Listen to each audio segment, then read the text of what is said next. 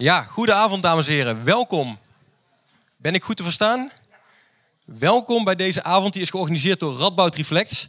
Mijn naam is Rob van der Ven, ik werk als programmamaker bij Radboud Reflex. En zoals u achter mij ziet, het is vandaag de maand van de ethiek op de faculteit der theologie, filosofie en religiewetenschappen. En in het kader van die maand van de ethiek uh, organiseren wij vanavond een publiekslezing voor u uh, door Injas de Vis. Hij zit hier al vooraan en hij schreef dit boek. Uh, Injas de Vis is uh, hoogleraar ethiek aan de Universiteit van Gent. En hij schreef het boek Het empathisch te veel met de prikkelende ondertitel Op naar een werkbare onverschilligheid. En over dat boek gaat hij zo dadelijk een lezing geven. Uh, na die lezing gaat hij in gesprek met Femke Takers. Zij is eveneens als filosoof werkzaam hier aan de Radboud Universiteit uh, bij de faculteit der sociale wetenschappen. En uh, nadat ze Injas en Femke een tijdje met elkaar in gesprek zijn geweest, dan is er ook voor u ruimte om al uw vragen te stellen die u wilde stellen. Um, rest mij nog te zeggen dat ook het boek van Injas na afloop te koop is. Hier buiten. Het is van harte aan te bevelen. En Injas wil het ook graag signeren. Dus mocht u dat leuk vinden, kom na de lezing even hier naar boven. En voor de mensen die het leuk vinden, het Cultuurcafé hiernaast is ook nog geopend. Dus u kunt ook nog even blijven hangen voor een drankje. Nou, ik wens u een hele fijne en leerzame avond. En dan wil ik nu graag het woord geven aan Injas de Vries.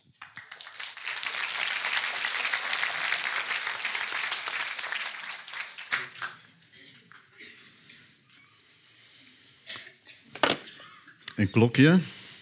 Oké, water. Ja, dankjewel voor de inleiding, maar allereerst voor de uitnodiging. Ik ben hier eigenlijk al een halve dag. We hebben vanmiddag ook in het kader van de Maand van de Filosofie gediscussieerd over de grondslagen van de ethiek.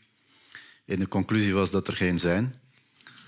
Dus de Maand van de Ethiek moet dringend worden afgeschaft en vervangen door de Maand van de Afgrondelijkheid of zo. Uh, maar uh, het doet mij heel veel plezier om nog eens in Nijmegen te zijn.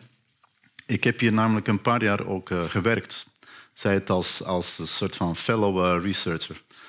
En ik heb uh, vorig jaar ook voor de Radboud Reflex gesproken. Ik denk niet in dit auditorium. Maar het, ehm, het doet mij heel veel plezier om hier nog eens te zijn. En ik heb inderdaad... Een mens leeft van zijn eigen afwijkingen. dus ik heb nog maar eens een boek geschreven omdat ik het niet kon uh, laten. Met een titel die uh, inderdaad uh, ja, bij sommige mensen al emoties oproept nog voor ze het boek hebben gelezen. Of dat zelfs in het eerste geval voldoende is om het boek zelfs helemaal niet meer te lezen. Want hoe durf je het aan om zeg maar iets, ja, potentieel iets negatiefs te zeggen over empathie? En hoe zou je het aandurven om een soort van toch halve oproep tot onverschilligheid, zij het in een heel specifieke gedaante te doen. Dus dat is heel erg blasfemisch, dat besef ik als geen ander. Dus ik doe nu al boete, maar ik durf het toch aan om de rest van de uitleg ook te doen voor jullie. Dus ik zou, ik zie hier dat er een, een welkom is geheten door een zekere merkwaardige Rob van de Ven. En dan komt een obscure spreker, gevolgd door een interessant gesprek. En dan komt er ook een presentatie die met mijn uh, interventie te maken uh, heeft. Um, het boek is, is, eind vorig jaar uh, verschenen. En ja, laat ons zeggen dat, dat de, de, het thema sindsdien niet meteen minder aan de orde is geweest. Want het thema empathie is, en dat is ook toch wel een beetje de, de aanleiding geweest om, om dit boek te schrijven. Het, thema empathie is enorm ja, aan de orde geweest de laatste 10, 15 jaar. En het begon mij steeds meer op te vallen dat we die term um, op heel wat fenomenen gaan zijn toepassen. En het lijkt een soort van onvoorwaardelijke positiviteit die er, die er aan gekoppeld is. Alsof als je oproept tot empathie, je vanzelf een soort van uh, ja, trapje hoger staat in de rangorde van moreel hoogstaande mensen. Want tenslotte heb je tot empathie opgeroepen. Wat kan daar nu verkeerd mee zijn? En hoe, hoe meer die mantra door de, de samenleving weergalmde, hoe meer ik, uh, ja, noem het een tegendraadsheid of slecht karakter hebbend, mij de vraag begon te stellen, zitten we niet stilaan in, in een soort van ja, verstikkende consensus waarbij we wel spontaan oproepen tot empathie, maar ons niet meer de vraag stellen wat zou daar nu het voordeel van zijn? Waarom moeten we vandaag zoveel empathie nodig hebben? Want twintig jaar terug werd er helemaal niet zoveel over empathie gesproken. Dus er is iets in de opgang tot het gebruik van het woord en er is iets in de wijze waarop het wordt ingezet. En, en vooral als het woord ter sprake komt, heb je heel snel ja, felle debatten. Dus dan ben ik op mijn plaats in Nederland. Jullie zijn dat gewoon heel felle discussies, orgaandonatie en zo. Daar gaan we het niet over hebben vanavond. Um, maar het woord wekt iets op. En ook politiek is het vaak heel erg uh, verdeeld. Als de een oproept tot empathie, dan geeft de ander kritiek dat je daarmee de samenleving niet redt. En wanneer de een uh, zegt dat, het, dat er grenzen zijn aan empathie, dan krijgt hij het verwijt een onverschillige man of vrouw te zijn.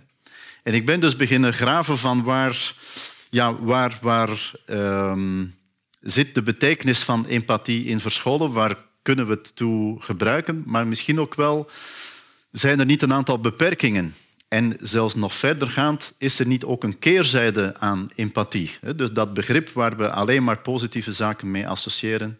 Ehm, want mijn vraag is retorisch. Ja, er is een keerzijde aan, anders stond ik hier niet. Vandaar ook mijn keuze voor het woord te veel. Ik denk inderdaad dat je op een bepaalde manier, ehm, in een bepaald aspect, ik zal me voorzichtig uitspreken, uh, of u bent nu al kwaad op mij, maar dat op bepaalde uh, maatschappelijke gebieden er soms inderdaad te veel empathie kan zijn en ook iets te weinig. Omdat we dreigen empathie uh, als een soort van vervangmiddel te zien voor andere zaken. Andere mechanismen die, die we dan omschrijven als zijnde niet meer van onze tijd, zoals solidariteit bijvoorbeeld.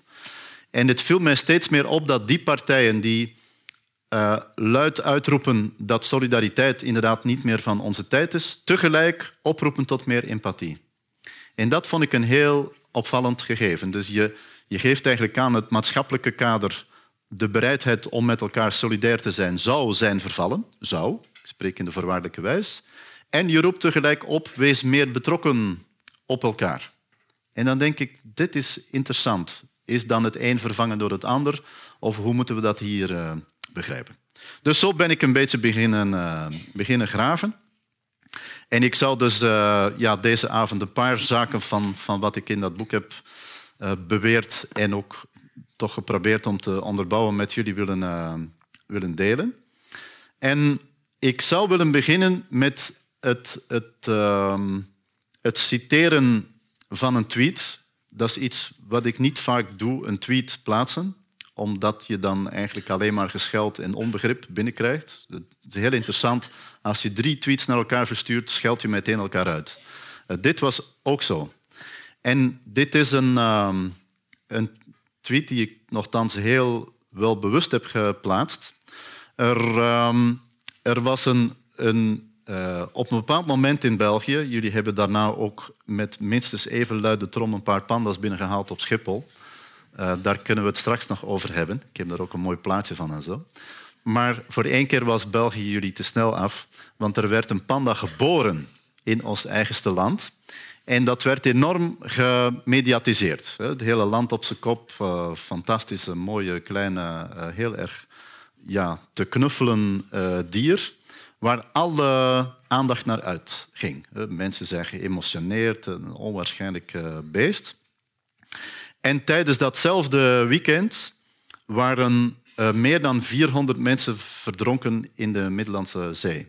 Omdat ze als vluchteling hadden geprobeerd om die Middellandse Zee uh, over te steken. En daar dus niet waren uh, in geslaagd.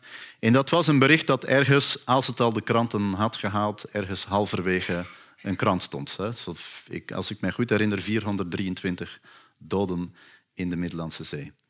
En wat mij enorm opviel, was hoe uh, ja, heel veel positief gedeelde emotionaliteit uitging naar die baby panda en een ogenschijnlijke onverschilligheid uh, uitging naar die verdronken vluchtelingen. En ik vond dat zo frappant, omdat je uh, de vraag kan stellen hoe komt het nu dat we zo'n overmatige aandacht hebben voor die ene uh, panda en dan blijkbaar toch vergeten, ik bedoel, als je de twee zaken tegenover elkaar afweegt, kun je wel de vraag stellen, moet dan niet onze aandacht eerder uitgaan naar het verdrinken van die mensen? Nu goed, ik had die vraag gesteld en, en nog geen uren later kwamen de eerste scheldmails uh, al binnen. Vond dat een behoorlijk record. Meestal duurt het een halve dag. Of na, een, na een optreden in een praatprogramma op televisie gebeurt het al terwijl je er zit. Dan krijg je een mooie verrassing als er je studio uitkomt. Dan, oh, mensen zijn betrokken op wat ik heb verteld. Maar hier kreeg ik heel veel reactie op. En ik heb er één geselecteerd die ik heel interessant vond. Om meerdere uh, redenen. En ik lees hem even voor. Uh, dus dat was een, een, een mail van uh, een mevrouw die de moeite had gedaan om mij persoonlijk uit te schelden. Dit is het meest vriendelijke stukje ervan. Maar ik vind het altijd sympathiek als ze de moeite doen om mij in persoon uit te schelden. Dus niet zomaar low, maar specifiek was iets lullig aan mijzelf. Dus dat vind dat een vorm van appreciatie. Maar wat schrijft deze mevrouw? Heel interessant, de geboorte van het kleine beestje maakte mijn dag goed. En zelfs vandaag nog. Ik vraag me af of u wel echt een filosoof bent. Zeer terechte vraag. Ik, er gaat geen dag voorbij of ik stel mij de vraag... Ja, goed. Dit is toch zo klaar als een klontje. Iets wat de wereld nodig heeft. Het is levensdrang. Ook het supporteren voor een wedstrijd van het EK, dat is levensdrang. Merkwaardige vergelijking, maar goed. Uh, en dan komt de, directieve, de directieven uh, op mij af. Hou op hiermee en neem dit niet af. Het is essentieel. Ik ben echt wel verbaasd door deze zware blunder. En, en zo gaat het nog een hele tijd door. Maar wat in, in heel veel van die uh, reacties aan bod kwam, dit is er een van de vele, was een, een, um, een argument dat ik heel interessant vond, dat vele mensen aangaven, dit was een uniek gebeuren en vandaar dat we daar zo op betrokken zijn. En er was iemand die letterlijk schreef, ja, er zijn mensen in overtal, maar een panda daarentegen. Echt, oké, hier is uh, discussie vatbaar. Uh, maar dat was wel interessant, omdat inderdaad, en dat is al meteen ik zal een paar kenmerken van empathie overlopen. Maar een van de mechanismen die enorm inwerken op ons empathisch vermogen, is inderdaad het feit dat het om een uniek wezen gaat. Mochten elke dag 500 panda's worden geboren in België, dan denk ik niet dat ze het journaal halen. Want dan gaat het vervelen denk je, ja oké, die hebben we wel gezien. Nog eens een panda. En dan worden we zelfs kwaad van het feit dat het nog eens wordt getoond. Eh, dus er zit iets in de, in de uniciteit en in de, natuurlijk de aardbaarheidsfactor van, van dat beest. Bedoel, zet er een andere oerlelijke diersoort uh, voor de camera dan denk je, ja, nee, uh, laat maar. Dit, uh, dit hoeven we niet te registreren. Dus daar zitten een aantal elementen in die ik ben beginnen ontrafelen van waar komt nu... Of wanneer wordt empathie uitgelokt en wanneer niet? Welke versterkende factoren zijn er aan het werk? En dan de hele vraag stellend, ja, maar als empathie vaak selectief te werk gaat, is dat dan wel een goede basis om het zo breed maatschappelijk in te zetten? Want kun je daarmee in feite alle, alle sociale problemen of maatschappelijke conflicten oplossen als empathie soms heel erg sterk geappelleerd wordt en een andere keer totaal niet? Um, en dat is alleen van de vragen die ik met jullie zou willen doornemen.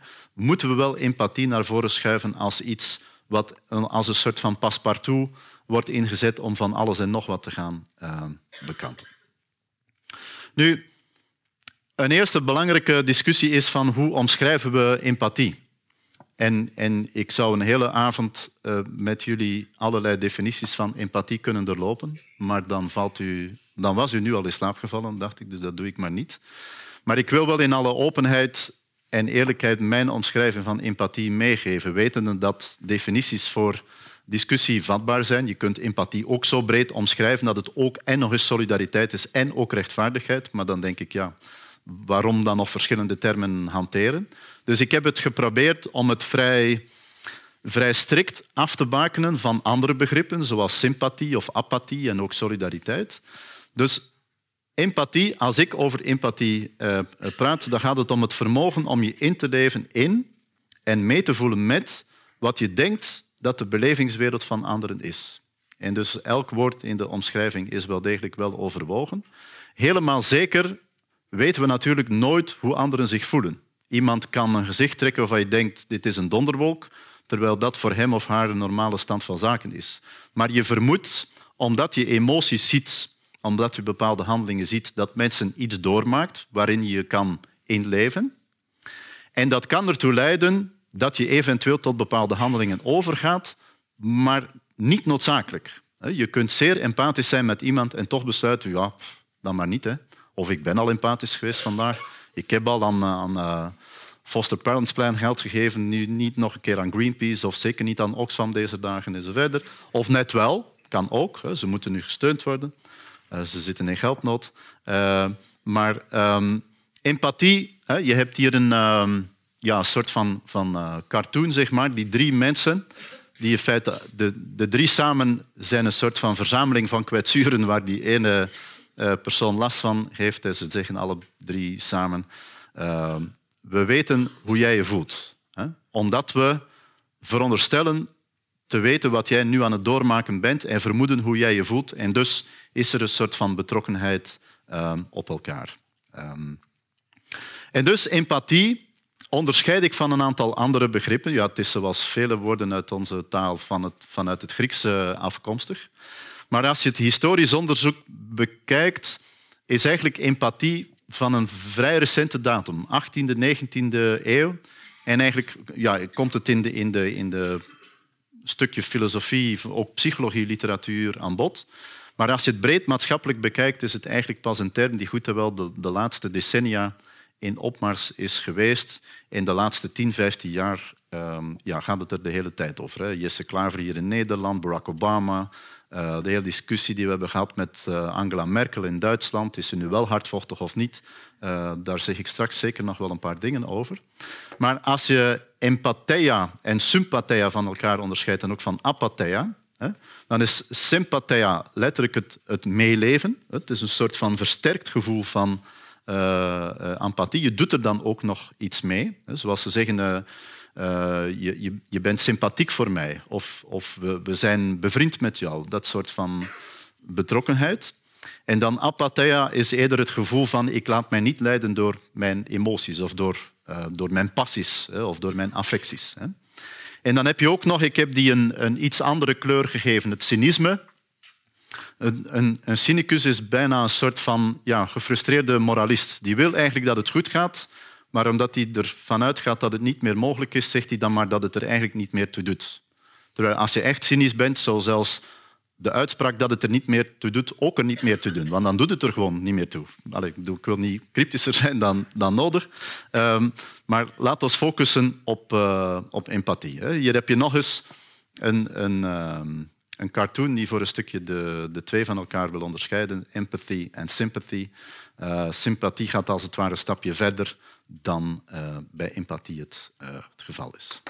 Nu, wat heb ik gedaan? Ik denk dat het wel van belang is om goed mijn, ja, moet ik het noemen, mijn vertrekpunt wat te, te verduidelijken. Ik ben nadrukkelijk ingegaan op de maatschappelijke rol van empathie. Dus echt het maatschappelijk, het politiek-maatschappelijk debat. Dus ik heb niet nog eens zeg maar, het zoveelste onderzoek naar uh, ja, hoe empathisch is de mens nog eens overgedaan. Ik, ik heb natuurlijk een groot stuk van de literatuur uh, verwerkt.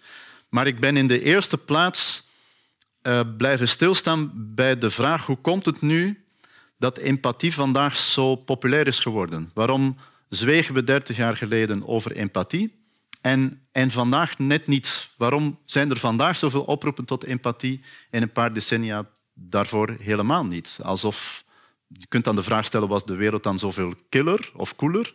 Of, of net niet? En moeten we daarom er nu meer toe oproepen? Bedoel, je kunt er allerlei uh, conclusies aan vastknopen. En dat is, ja, ik heb hier uh, uh, Jacques Derrida, de Franse filosoof, ge, geciteerd, om een beetje mijn mijn inspiratiebron ook mee te geven. Het moeilijkste om aan filosofie te doen is, de, is het stellen van de juiste vraag. Hoe benader je een probleem? Wat is nu net de manier waarop je een thema bevraagt? En Derrida heeft dat in zijn boek Violence en Metafysiek, Geweld en Metafysica, omschreven als de vraag naar de vraag. Hoe probeer je een probleem zo te benaderen dat je, dat je het ook vat in de kern van zijn thematiek. Want je, je, je kunt de vraag stellen aan iets en, en in feite daardoor net naast het probleem heen kijken. Dus in feite is de, vandaar ook dat filosofie clichématig door het leven gaat als het is het stellen van de juiste vraag, maar dat is ook intrinsiek het moeilijkste. Hoe benader je een maatschappelijk thema? Wat is precies nu eigenlijk het probleem? En hebben we wel een probleem? Is er wel te weinig empathie? Want als we veel tot empathie oproepen, zou je kunnen zeggen, dus is er te weinig? Maar dat is maar zeer de vraag. En als er te weinig zou zijn, op welk niveau van de maatschappij? Dus dat, dat soort van moeilijkdoenerij dat vind ik fantastisch eigenlijk. Dus uh, ik wil mijn passie tot, tot lastig zijn aan jullie uh, overdragen vanavond. Um, waarom leg ik daar zo de nadruk op? Om, omdat uh, als, als ik de meeste boeken over empathie heb gelezen, dan gaan die meestal uit van een andere vraag. Dan stellen die meestal de vraag, is er iets in de natuur van de mens aanwezig waaruit we een bepaalde conclusie zouden kunnen afleiden tot het al dan niet empathisch gehalte van de mens. En daar wordt er empirisch onderzoek opgezet. Ja, goed, waarbij men probeert aan te tonen dat mensen in bepaalde situaties wel degelijk tot goedheid in staat zijn. En dan heb je een ander onderzoek dat achter die goedheid toch probeert de maskerade in de schijn weg te werken en te tonen, kijk, achter dat altruïsme zit toch een hoge mate van eigenbelang verscholen. En ik vind dat die, dat die onderzoeken ik ga misschien een beetje scherp zijn, maar behoorlijk uh, vruchtloos blijven graven op een manier waarvan ik denk dat we er nooit zullen uitraken. Want als je refereert aan de menselijke natuur, dan is de menselijke natuur zo'n vloe gegeven, zo'n moeilijk grijpbaar gegeven, dat je inderdaad logischerwijze altijd wel onderzoek zou kunnen opzetten waaruit blijkt dat in bepaalde gevallen mensen tot goede handelingen in staat zijn en in andere gevallen dan weer niet, of zelfs tot ronduit slechte zaken, louter egocentrische motieven. Dus mijn vraag is niet geweest, zijn we goed of slecht van nature uit? Want dan lijkt je een soort van essentie van de mens te gaan zoeken om te zeggen, ah, nu weten we het, de mens is verdorven, bijvoorbeeld. Maar wat zijn we daar dan mee? Want tenslotte moet je dan toch in een maatschappij gaan functioneren en zul je merken dat je in bepaalde contexten tot meer empathie bewogen bent dan in andere. Dus ik heb mij eerder de vraag gesteld, wat zijn de mechanismen die empathie uitlokken en hoe komt het nu dat die mechanismen soms ons empathisch gedrag versterken en in andere gevallen dan weer niet, of zelfs tot ronduit ook negatieve zaken uh, hebben geleid. Hè? Dat is die keerzijde waar ik al voor een stuk had uh, over gesproken. Dus mijn vertrekpunt is, het is zinloos om, om te zoeken naar een antwoord op de vraag, is de mens of goed of slecht? Dat is een vraag die en altijd kan beantwoord worden en tegelijkertijd nooit. Want daar raak je niet uit. Ik bedoel, je, je, je kunt blijven graven naar een of andere essentie die je niet gaat vinden, alsof het altijd en overal op welk moment van ons leven tot hetzelfde gedrag zouden worden uh, verleid. En dan vond ik het zinvoller om te kijken wat zijn de, wat zijn de condities, zeg maar, de, de maatschappelijke context waarbinnen we tot bepaalde vormen van gedrag overgaan en in andere dan weer niet. Welke factoren spelen dan een rol in en hoe kunnen we dat als het ware in kaart brengen om goed greep te krijgen op waar, waar gaat dat fenomeen van empathie nu in feite echt uh, over. En een groot stuk van, van mijn boek, zeker naar het einde toe, gaat vooral om de beschrijving van wat ik hier heb genoemd de mens als een, als een moreel ja, ambivalent wezen.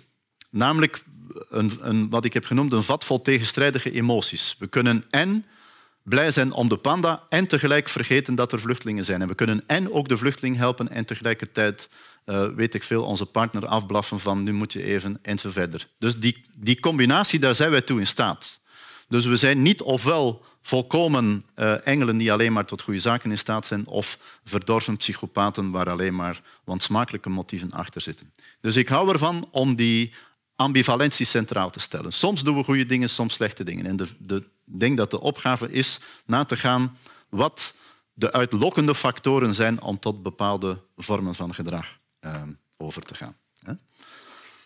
Om die ambivalentie een beetje te ondersteunen heb ik twee afbeeldingen mee, waarvan je in feite, als je kijkt naar de meest rechtse, um, als je gewoon naar de afbeelding zelf kijkt, lijkt dat op het eerste uh, zicht een heel vredelievend tafereel. Ik bedoel, de man in kwestie is natuurlijk een legeruniform en die gaan zelden op straat om madeliefjes te plukken, dat weten we. Maar hij aait een, een jongetje. En ik vermoed dat dat beeld in Nederland wel bijzonder uh, bekend is, hè, want dit is uh, ja, de fameuze generaal Radko Mladic, hè, die in de uh, enclave, waar in Nederland heel veel debat is over geweest, voor de reden die jullie minstens even goed weten als ik, dus ik kom geen wonden openrijden, ga ik niet doen vanavond. Ehm, maar dit is een heel frappant beeld, want als je de context niet kent, lijkt deze man dat kind te aaien en zeer empathisch betrokken te zijn. Maar op het ogenblik dat hij dat doet, zijn ondertussen duizenden mensen de dood ingejaagd. Um, tweede beeld uh, uit de fameuze Abu Ghraib-gevangenis in Irak. De laatste keer dat de Amerikanen Irak zijn binnengevallen. En dan in de foltergevangenis van Saddam Hussein. Want de Abu Ghraib-gevangenis was de meest beruchte gevangenis in heel Irak waar de politieke gevangenen werden gefolterd. Net daar hebben toen, dat is een foto die wereldwijd rond is gegaan, een aantal Amerikanen een fotootje genomen. Het lijkt wel een vakantiekiekje, zo van hey man, het is hier gezellig en zo. Eh, we hebben een paar mensen naakt op elkaar gelegd, eh, maar we vinden het echt heel gezellig hier. Warm en zo, veel te doen. Eh, dus dit, dit vind ik persoonlijk een van de meest horribele foto's die ik ken. Dus er is een stapel gevangenen naakt op elkaar gelegd. En het alles blijkt daar waarom wat de Amerikanen dan, dan toch maar niet hebben begrepen, waarom die, die laatste inval van de Amerikanen in Irak niet zonder meer op applaus is onthaald. Ik bedoel, als je dit soort van beelden maakt, dan hoef je niet verwonderd te zijn dat daar een enorme tegenreactie komt. Dus om maar te ondersteunen, ik wil daarmee niet de, verdorvenheid van het menselijk wezen aantonen, maar wel aangeven, mensen zijn tot zeer uiteenlopende, zeer gruwelijke en ook zeer moreel hoogstaande daden uh, in staat. En ik ga uit van dat brede palet. Het is niet het een of het ander. Wij zijn een mengeling van. En in bepaalde omstandigheden zijn we best wel tot behoorlijk wat gruwelijkheden uh, in staat. Hè. Stel dat we deze groep samennemen en we worden vijf dagen uitgehongerd en dan worden hier plots zeven broden binnengegooid. Garantie op een zwaar gevecht. Niet moeilijk. Iedereen wil leven. Dus je vecht om datgene wat je wil. Hè. Um, Um, van mij zeker. Kan ik dat zelf? Allee, bedoel, het is geen vraag naar mijn technische competentie, maar. Uh, zou ik dat nu zelf kunnen? ik ga ondertussen mijn jas uit. Ja. Is dat beter? Uiteraard. Ja. En staat dit bord niet in de weg eigenlijk? Allee, ik wil niet de maand van de filosofie uh, in het nadeel stellen, maar iedereen ziet uh, voldoende? Oké. Um, ik zou, schematisch uiteraard, hè, een paar factoren willen overlopen die empathie uitlokken. Die dus ons empathisch vermogen ehm, versterken. Hè. Een eerste punt is de levendigheid. Hè. Ehm, als je een, een, unieke persoon of, of ehm, één sterk beeld voor ogen hebt, dan werkt dat veel sterker dan een of andere ja, zeg maar anonieme massa. Denk aan die kleuter Aylan Cordy, uh, verdronken in de Middellandse Zee. Die foto is wel de wereld rondgegaan en plots zei iedereen, dit moet ophouden. Dus niet die paar honderd waarvan we het gezicht niet hebben gezien, maar we hebben een heel levend, heel sterk emotioneel beladen beeld op ons netvlies gebrand en dan gaat onze empathie eh, aan het werk. Een andere factor is de zekerheid dat je iemand kan helpen, zal sterker inwerken op je empathisch vermogen dan het vermoeden dat er iets abstract iets met je geld gebeurt. Het is interessanter voor je, voor je eigen empathisch vermogen om te zeggen ik heb deze persoon kunnen helpen en ik weet zeker dat mijn geld terechtkomt. Of um, ik heb iets gegeven aan een goed doel, maar ik weet in feite niet wat er precies mee gebeurt en of het een verschil uitmaakt. En dus ook de abstractiegraad van een fenomeen kan daar heel sterk aan gekoppeld zijn. Als je zegt van, uh, daarom dat foster parents plan ook zo goed werkt, dit kind help je, als je dit kind een goed leven wil geven, dan moet je dit kind helpen. Maar als je zegt help de mensheid, dan denk je ja, en hoeveel moet dat kosten? Bedoel, daar doe ik niet aan mee. Dat is mij te vaag. Hè? Het milieu. Mocht je, morgen, mocht je moeder morgen slachtoffer zijn van het slechte milieu, dan ga je denken, hé, hey, dit is een probleem. Maar als we over drie generaties onszelf hebben vastgereden, dan denken we nu, ja, dat is nog lang en zo, zeer abstract gebeuren, we lossen dat technisch wel op, daar gaan we ons niet mee bezighouden. Dus empathie wordt sterker of zwakker aangesproken. En dan de grootte van een referentiegroep. Als je een, een voltallige kleine groep kan helpen, zoals weet ik veel, een groep meisjes dat in de handen is van Boko Haram en wordt bevrijd, die beelden gaan uh, wereldwijd rond. Van kijk eens, heel die groep van meisjes is uit die handen verdwenen, terwijl er wel nog duizenden anderen ergens ook zijn opgesloten. Maar die hebben we niet gezien. Dat, dat blijft te vaag voor ons. En dan wat men noemt het verschil tussen ex post versus ex ante. Als je hier en nu iemand kan helpen, dan gaat dat sterker inwerken dan dat je ooit met jouw ondersteuning iemand in de verre toekomst zou kunnen geholpen uh, hebben. Dat is ook een belangrijk gegeven. En dan wat al een stukje met dat voorbeeld van die panda aan bod is gekomen, het unieke van een gebeurtenis of van een persoon. Hoe groter de, de massa, hoe moeilijker ons empathisch vermogen wordt opgewekt. Maar als we één concreet doel hebben van daarvoor doen we het, serious requests aan het einde van het jaar, wat bij ons heet de warmste week, één concreet doel, daar zijn we op betrokken. En dan zijn we ook bereid, ook al omdat ons eigen moreel gevoel daar heel sterk wordt op aangesproken, om mee te gaan in het hele uh, gebeuren. En dan nog een laatste factor. Enfin, het is een hele lijst, dus ik, ik heb me hier beperkt tot een aantal uh, zaken. Maar de factor onschuld is heel belangrijk. Um, beeld je nu eens in dat um, we, we geen foto hadden van een driejarig onschuldig kind, zoals we dan zeggen, dat verdronken is in de Middellandse Zee. Maar ik ga een cru voorbeeld geven. Een man van 77 jaar dat vier vrouwen heeft verkracht en zijn hele leven slecht heeft geleefd. Gaan we dan even betrokken zijn op dat slachtoffer of niet? Dus hoe groter de factor slachtofferschap, hoe meer we vermoeden dit is onschuldig, hoe, hoe sterker we worden aangesproken op ons empathisch vermogen. En dat betekent dus ook, als je die factoren samenneemt, dat ons empathisch vermogen ook kan misbruikt worden. Omdat het heel sterk kan geappelleerd worden vanuit een soort van wat ik noem morele onderbuik. Als je empathisch bent, dan is het meestal niet zo dat je eerst beslist, rationeel, zou ik nu empathisch zijn of niet? Er is al iets in jou dat heeft beslist om empathisch te zijn en dan besef je waarom je het hebt gedaan. Het gaat als het ware aan je, aan je logische of rationele keuze eh, vooraf. Dus dat betekent dat er ook een aantal uh, beperkingen zijn in de zin van empathie werkt niet altijd. Het werkt in specifieke gevallen, het werkt in concrete casussen, maar wij voelen ons niet aangesproken ten opzichte van alle leed van iedereen overal ter wereld. En als we dat doen, hebben we een ander probleem. En daar kom ik zo meteen op terug. Maar ik heb hier ook een aantal factoren opnieuw opgesomd.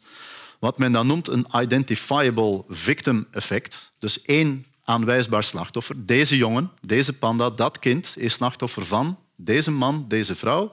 Dan werkt het heel sterk. Um, het inzoom-effect. Heel belangrijk fenomeen. Uh, als we als we empathisch zijn, dan lijken we soms de rest van de wereld te vergeten. We zoomen zo in, we, we, we zoomen letterlijk in op één iets, zoals dat kind. En de rest van de wereld die lijkt te verdwijnen op dat ogenblik. En dan lijkt de hele wereld gereduceerd te zijn tot dat ene kind. En zien we niet die honderden anderen die er ook zijn geweest, maar die we zelf niet persoonlijk... Persoonlijk, dat kind hebben we natuurlijk ook niet persoonlijk gekend, maar we hebben de indruk van... We hebben een beeld van, dit moet verschrikkelijk geweest zijn. En daar werkt het heel uh, sterk op. Dan ja, eenzijdigheid, of wat men ook noemt uh, partialiteit, hangt in feite een beetje samen met uh, bijziendheid. We hebben de, de neiging om, en dat is denk ik ook tegelijkertijd de kracht van empathie, de, de zorg voor de naaste, je familie, je kinderen, je, je moeder, je vader, daar werkt empathie veel sterker bij dan een of andere anonieme naaste. De meeste mensen zijn heel sterk geappelleerd in de zorg om hun eigen kinderen.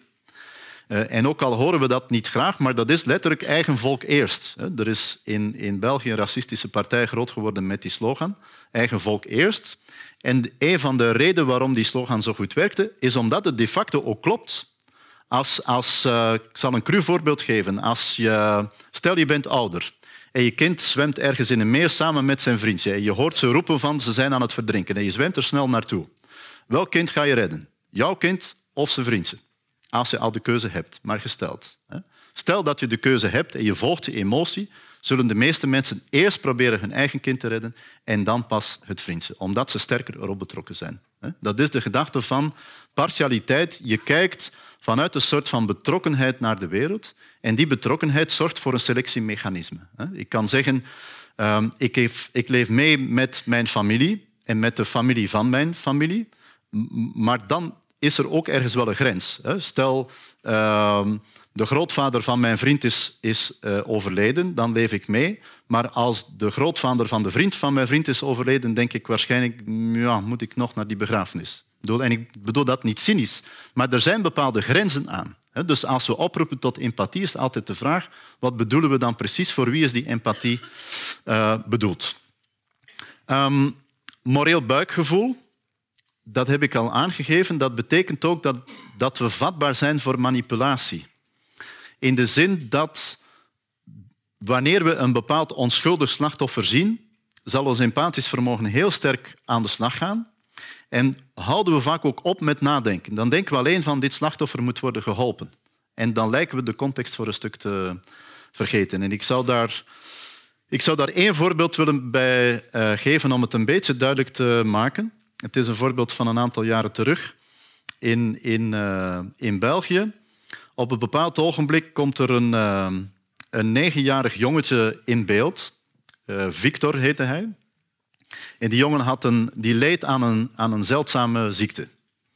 En het medicijn dat dat jongetje nodig had om die ziekte te bestrijden, die werd niet terugbetaald door de sociale zekerheid in België. En dat kostte die ouders een 30.000 à 40.000 euro per jaar dingen die je niet bijeen verdient met de gewone wedden, zeg maar. Dus ze konden dat niet betalen. Nu, dat jongetje komt in beeld en de, ja, de hele maatschappij zegt dit is verschrikkelijk. Hoe? Want dit, dit kind zou sterven zonder het medicijn. Dus dat kind wordt in beeld gebracht, hele uh, land rep en roer, alle media spreken schande en de minister van Volksgezondheid komt onder enorme druk te staan van het is schandaleus dat je dat medicijn niet terugbetaalt. Nu, de minister die houdt de uh, lippen stijf op elkaar. Wat al heel interessant was. Van normaal gezien ga je dan als politicus meteen denken ik moet worden herverkozen, ik moet worden herverkozen. Terugbetalen, jongen, terugbetalen. Deed ze niet. Deed ze niet. Die hetze die duurt een paar dagen. Die druk wordt opgevoerd. En ondertussen is er één, gelukkig één wakkere journalist geweest die zich de vraag had gesteld hoe komt het want dat medicijn bestond al langer en het was al langer onbetaalbaar en er waren al slachtoffers gevallen. Maar hoe komt het dat dit jongetje nu in beeld is? Wat of wie zit erachter? En die is beginnen graven. En toen bleek het volgende. Dat is dat de producent van dat medicijn het lumineuze idee had opgevat om een zelfhulpgroep op te richten van mensen die leden aan deze systeemziekte. Dan vervolgens heeft gekeken wie uit deze groep zou het meest empathie opwekken wanneer we die in beeld brengen, gesponsord via tussenpersonen door de producent, is dus doelbewust, en dat wordt dan nog omschreven als creatief ondernemerschap, hoe cynisch kun je zijn, is doelbewust dat kind in beeld gebracht om de Belgische overheid, en dat hebben ze trouwens in een aantal andere landen, waaronder Canada, nog eens over gedaan, om de overheid onder druk te zetten om dat veel te dure medicijn toch terugbetaald te krijgen en zo de winst in eigen zakken te stoppen. En dat is een bedrijfsstrategie. Dus die firma doet dat stelselmatig. En dus om maar aan te geven, op het ogenblik dat je dat slachtoffer ziet, hou je op met denken, ja, dit, dit, moet, hè, dit kind moet worden geholpen. En uiteraard moest dit kind worden geholpen, maar achter dit kind zitten er nog 10.000, 15.000 mensen met dezelfde zeldzame ziekte, die ondertussen hun medicijn niet terugbetaald krijgen, want er is geen creatief ondernemerschap geweest om hen uh, zeg maar in beeld te brengen. Dus als je dat allemaal samenneemt, dan zie je een aantal beperkingen. En daar komt er nog een belangrijke beperking bij. Dat is, en dat is ook een van de redenen waarom Serious Request zo goed werkt, dat is dat we heel vaak mensen helpen omdat we er ook zelf een goed gevoel bij helpen. Serious Requests we doen inspanningen en ik wil daar ook niet lacherig over doen. Dat zal wel zeer goed bedoeld zijn. Maar je keert ook zelf met een goed gevoel naar huis. Heb ik, heb ik toch wel flink die mensen geholpen. Ik heb mijn best gedaan. Dus je voelt jezelf moreel beter door een specifiek doel eruit te kiezen waar jij je goed bij voelt. Maar dat betekent ook, als we uh, betrokken zijn op één bepaald goed doel, omdat we het interessant vinden, omdat het ons aanspreekt, dan zijn we dus ook op anderen niet of veel minder betrokken. En als je dat plaatje in zijn totaliteit bekijkt, kun je de vraag stellen, is empathie dan wel het juiste middel om maatschappelijke problemen aan te pakken? Want als het zo selectief te werk kan gaan, dat ik bij de ene mens denk, oké, ik voel me betrokken op jou, jou help ik, maar bij de andere helemaal niet, ja, het spijt me, jou help ik niet. En dan is de hele vraag, hebben we als empathie tot bewustzijnsvernauwing uh, uh, leidt, kijk, daar is de bus met de pandas, uh, hebben we dan niet ook andere mechanismen nodig die niet zozeer werken op onze persoonlijke betrokkenheid met goed doel X, Y of Z of persoon A, B of C, maar die, en dat is mijn woord onverschilligheid, op een onverschillige manier zaken gaan herverdelen in de maatschappij. Want als elke maand een stuk van mijn wedden wordt afgehouden, dan wordt dat bedrag verdeeld over mensen die daarmee worden geholpen, die ik niet ken. Voor redenen die mij ook niet aangaan. En die mensen moeten niet eerst naar mij komen met de vraag: vind je mij voldoende interessant als goed doel om, om een stuk van je wedden aan af te staan? Dat is een liefdadigheidsmodel. Nu, wat wij hebben opgebouwd in maatschappijen zoals Nederland en België en vele andere, zijn onverschillige mechanismen die herverdelen en die proberen op een zeg maar, uh, structurele wijze een aantal zaken te gaan oplossen zonder dat mijn moreel gevoel daartoe doet. Ik moet niet mij afvragen, uh, vind ik eh, deze zeldzame ziekte uh, meer vatbaar voor empathie dan een ander? Dat zou niet het criterium moeten zijn. Maar als je oproept hoe meer empathie, hoe beter, en ondertussen schuif je de solidariteit aan de kant, dan dreig je in dat soort van model te komen. De, de tijd ontbreekt mij om hier alle details uh, mee te geven, maar dat is wel een van mijn vragen. Als we solidariteit afschaffen en we houden alleen nog empathie over, komen we dan niet onvermijdelijk uit op een soort van liefdadigheidsmodel waarbij ik soms aan mensen zal geven en soms niet. En mijn criterium zal zijn, voel ik mij er zelf goed bij, is datgene waar ik voor geef eigenlijk iets waar ik mij op betrokken weet. En dat is maar de vraag of we maatschappelijke problemen moeten afleiden uh, op basis van de mate waarop wij er zelf uh, op uh, betrokken zijn. Hè. Denk aan, misschien dat jullie zich dat nog herinneren, de grote donorshow van een aantal jaren terug in Nederland, hè, wat toen heel veel ophef heeft veroorzaakt en wat een prachtig voorbeeld is van hoe empathie ja, kan worden gemanipuleerd. Dus de, de ene vrouw die haar, dacht ik, nier, of was het nu lever of nier, een orgaan, zou afstaan aan de kandidaat die het het meest verdiende. Uh, en het was natuurlijk allemaal opgezet spel, bleek achteraf, maar bij voorbaat niet. En de verontwaardiging was heel groot. Maar er hebben toch maar meer dan een miljoen mensen naar gekeken. En je kon ook sms'en van welke kandidaat verdient volgens jou het meest uh, dit orgaan. En dan kreeg je een soort van ja, uitvergroting van waar, als je empathie alleen nog overhoudt, toe kan leiden. Dat is dat je mensen eh, taxeert op hun verdiensten en op basis daarvan hen een bepaalde dotatie of, of uh, uh, antwoord op een probleem zou kunnen bieden. En dat vind ik nu net, vandaar mijn term werkbare onverschilligheid, dat vind ik nu net het interessante aan zoiets als een mechanisme zoals solidariteit. Dat is dat we onszelf niet voortdurend moeten afvragen, verdient deze persoon dat wel? We kunnen wel discussiëren over de criteria, wanneer krijg je een uitkering en zo verder. Maar niet iedereen die een uitkering krijgt, moet mij en alle andere Belgen, of in Nederland alle andere 15, 16 miljoen Nederlanders komen vragen en verdien ik het? Want dat is net het, het bevrijdende eraan, vandaar ook onverschillig, niet persoonlijk betrokken. Ik moet mij niet afvragen, verdient hij het? Als we de criteria hebben vastgelegd, dan los van mijn moreel gevoel voor die persoon, zal die dat krijgen op basis van criteria die we vooraf hebben uitgedokterd en die niet te maken hebben met mijn empathische betrokkenheid eh, erbij.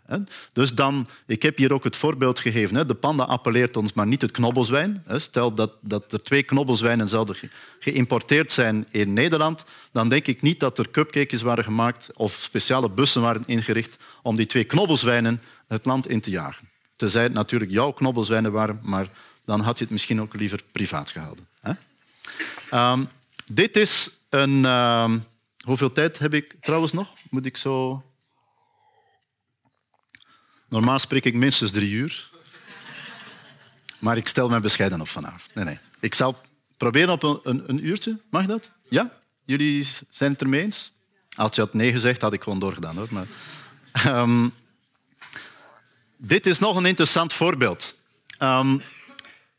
Deze foto, het is misschien niet heel erg scherp, maar daar ligt een, een eh, kind op de grond. Een, een kleuter, peuter, twee jaar. En dat kind is omvergereden door een bestelwagen en is blijven liggen, bloedend.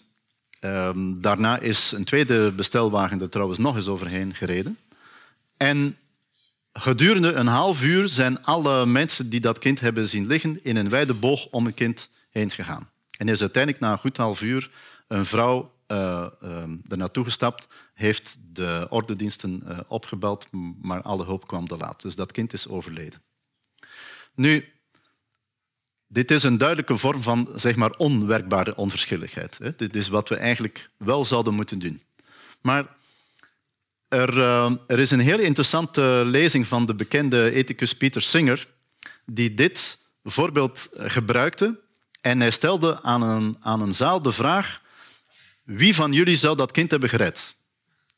En quasi iedereen stak de hand op. Ja, tuurlijk zou ik het hebben gedaan, hè, want het is een schande. Hè. Dus, en ik wil dat voorbeeld aangrijpen om duidelijk te maken, wij associëren ons veel liever met de persoon met een moreel hoogstaand gezag of gedrag dan de persoon die eigenlijk laakbaar gedrag vertoont, terwijl wij misschien even goed een van die mensen hadden kunnen zijn die ook in een wijde boog omheen dat kind is gelopen. Als iemand in de metro uh, op de grond neerligt, hoeveel onder ons gaan eens vragen aan die man of vrouw en gaat het wel? De meesten onder ons lopen er inderdaad in een wijde boog omheen. Maar we kunnen moeilijk van onszelf verdragen dat we inderdaad soms behoorlijk ambivalent gedrag vertonen. En wat doen we dan? Zo werkt het een beetje vandaag. Dan, dus er is uiteraard een filmpje van gemaakt, alles wordt gefilmd. Uiteraard wordt dat filmpje op social media gepost. En dan zag je af en toe uh, mensen die herkenbaar waren, die dus om dat kind waren heen gelopen. En die hebben dus onwaarschijnlijk veel uh, ja, scheldmails uh, en verwensingen naar het hoofd gekregen. Want heel China verontwaardigde zich over het schandelijke gedrag van die mensen. Terwijl dus de meerderheid van die mensen die daar waren om het kind heen zijn gelopen. Dat wil zeggen, het is veel moeilijker en empathie en verontwaardiging gaan in die zin hand in hand. Het is veel lastiger om bij jezelf te erkennen dat je misschien zelf soms behoorlijk verkeerde keuzes maakt. Dat is veel lastiger om te erkennen dan jezelf aan te prijzen als te zeggen, ja maar ik, hè, ik zou dat niet gedaan hebben. Want dat is de positie van degene die zich verontwaardigt over de ander. Dan zeg je eigenlijk, ik ben moreel superieur ten opzichte van de diegene die ik daar zie. En dat is een van de redenen waarom social media zo goed werken. Dat is één uh, uh, aanhoudende stroom van verontwaardiging over het slechte gedrag van de ander. En dan zitten we allemaal thuis achter onze pc deze mens is echt wel slecht. Maar ik daarentegen, mocht ik in dat geval zijn, ik zou het zeker beter hebben gedaan. Dus dat morele comfort dat je jezelf geeft door te zeggen ik sta empathisch in het leven en ik distancieer mij hiervan, misschien moeten we toch met een klein beetje meer, ja, noem het realistische blik naar onszelf durven kijken. Dit is het beeld van Aylan Kurdi, dat kennen we eh, allemaal. Sprekend voorbeeld van identifiable eh, victim effect. Toen zei plots iedereen, uh, dit moet ophouden. Terwijl er al duizenden vluchtelingen waren verdronken. Maar dat ene beeld, en ik zou zeggen op zich heb ik niets tegen het feit dat dat ene beeld een appel oproept aan ons allemaal, maar in feite had het veel eerder moeten gebeuren. Ik ben niet tegen dat beeld, maar ik verwacht van een politieke overheid dat ze niet wachten tot dat beeld er is en de publieke opinie zich afvraagt waarom doen we daar niets aan en pas dan in actie komt. Ik verwacht van, ik weet dat dat zeer idealistisch is, dat politici anticiperen op problemen, de realiteit is anders, maar ik vind dat we dat moeten eh, hoog houden. Goed, de, de beperkingen zijn geschetst, de, de voorbeelden zijn gegeven.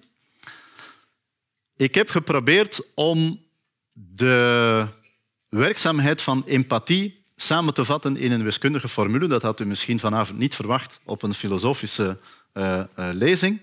Maar de formule staat voor hulp is ellende gedeeld door afstand. Hulp is ellende gedeeld door afstand. Dat betekent als ik. Um...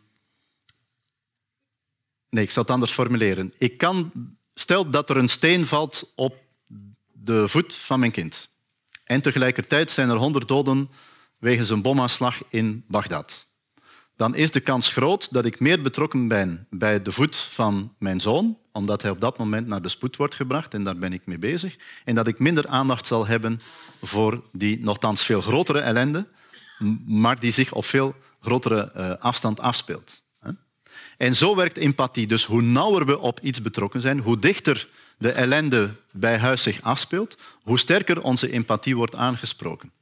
Stel dat ik tegen mijn zoon zeg, uh, weet je wat, ja, er zijn wel honderd mensen dood in Bagdad, ik moet daar gaan helpen, jij zult wel je plan trekken zeker. Dan zal hij zich afvragen, ben jij nu mijn vader of hoe zit het? Want dit is ook de sterkte, de kracht van empathie. In die persoonlijke betrokkenheid hebben we inderdaad elkaar nodig om op elkaar betrokken te zijn en voor elkaar te zorgen.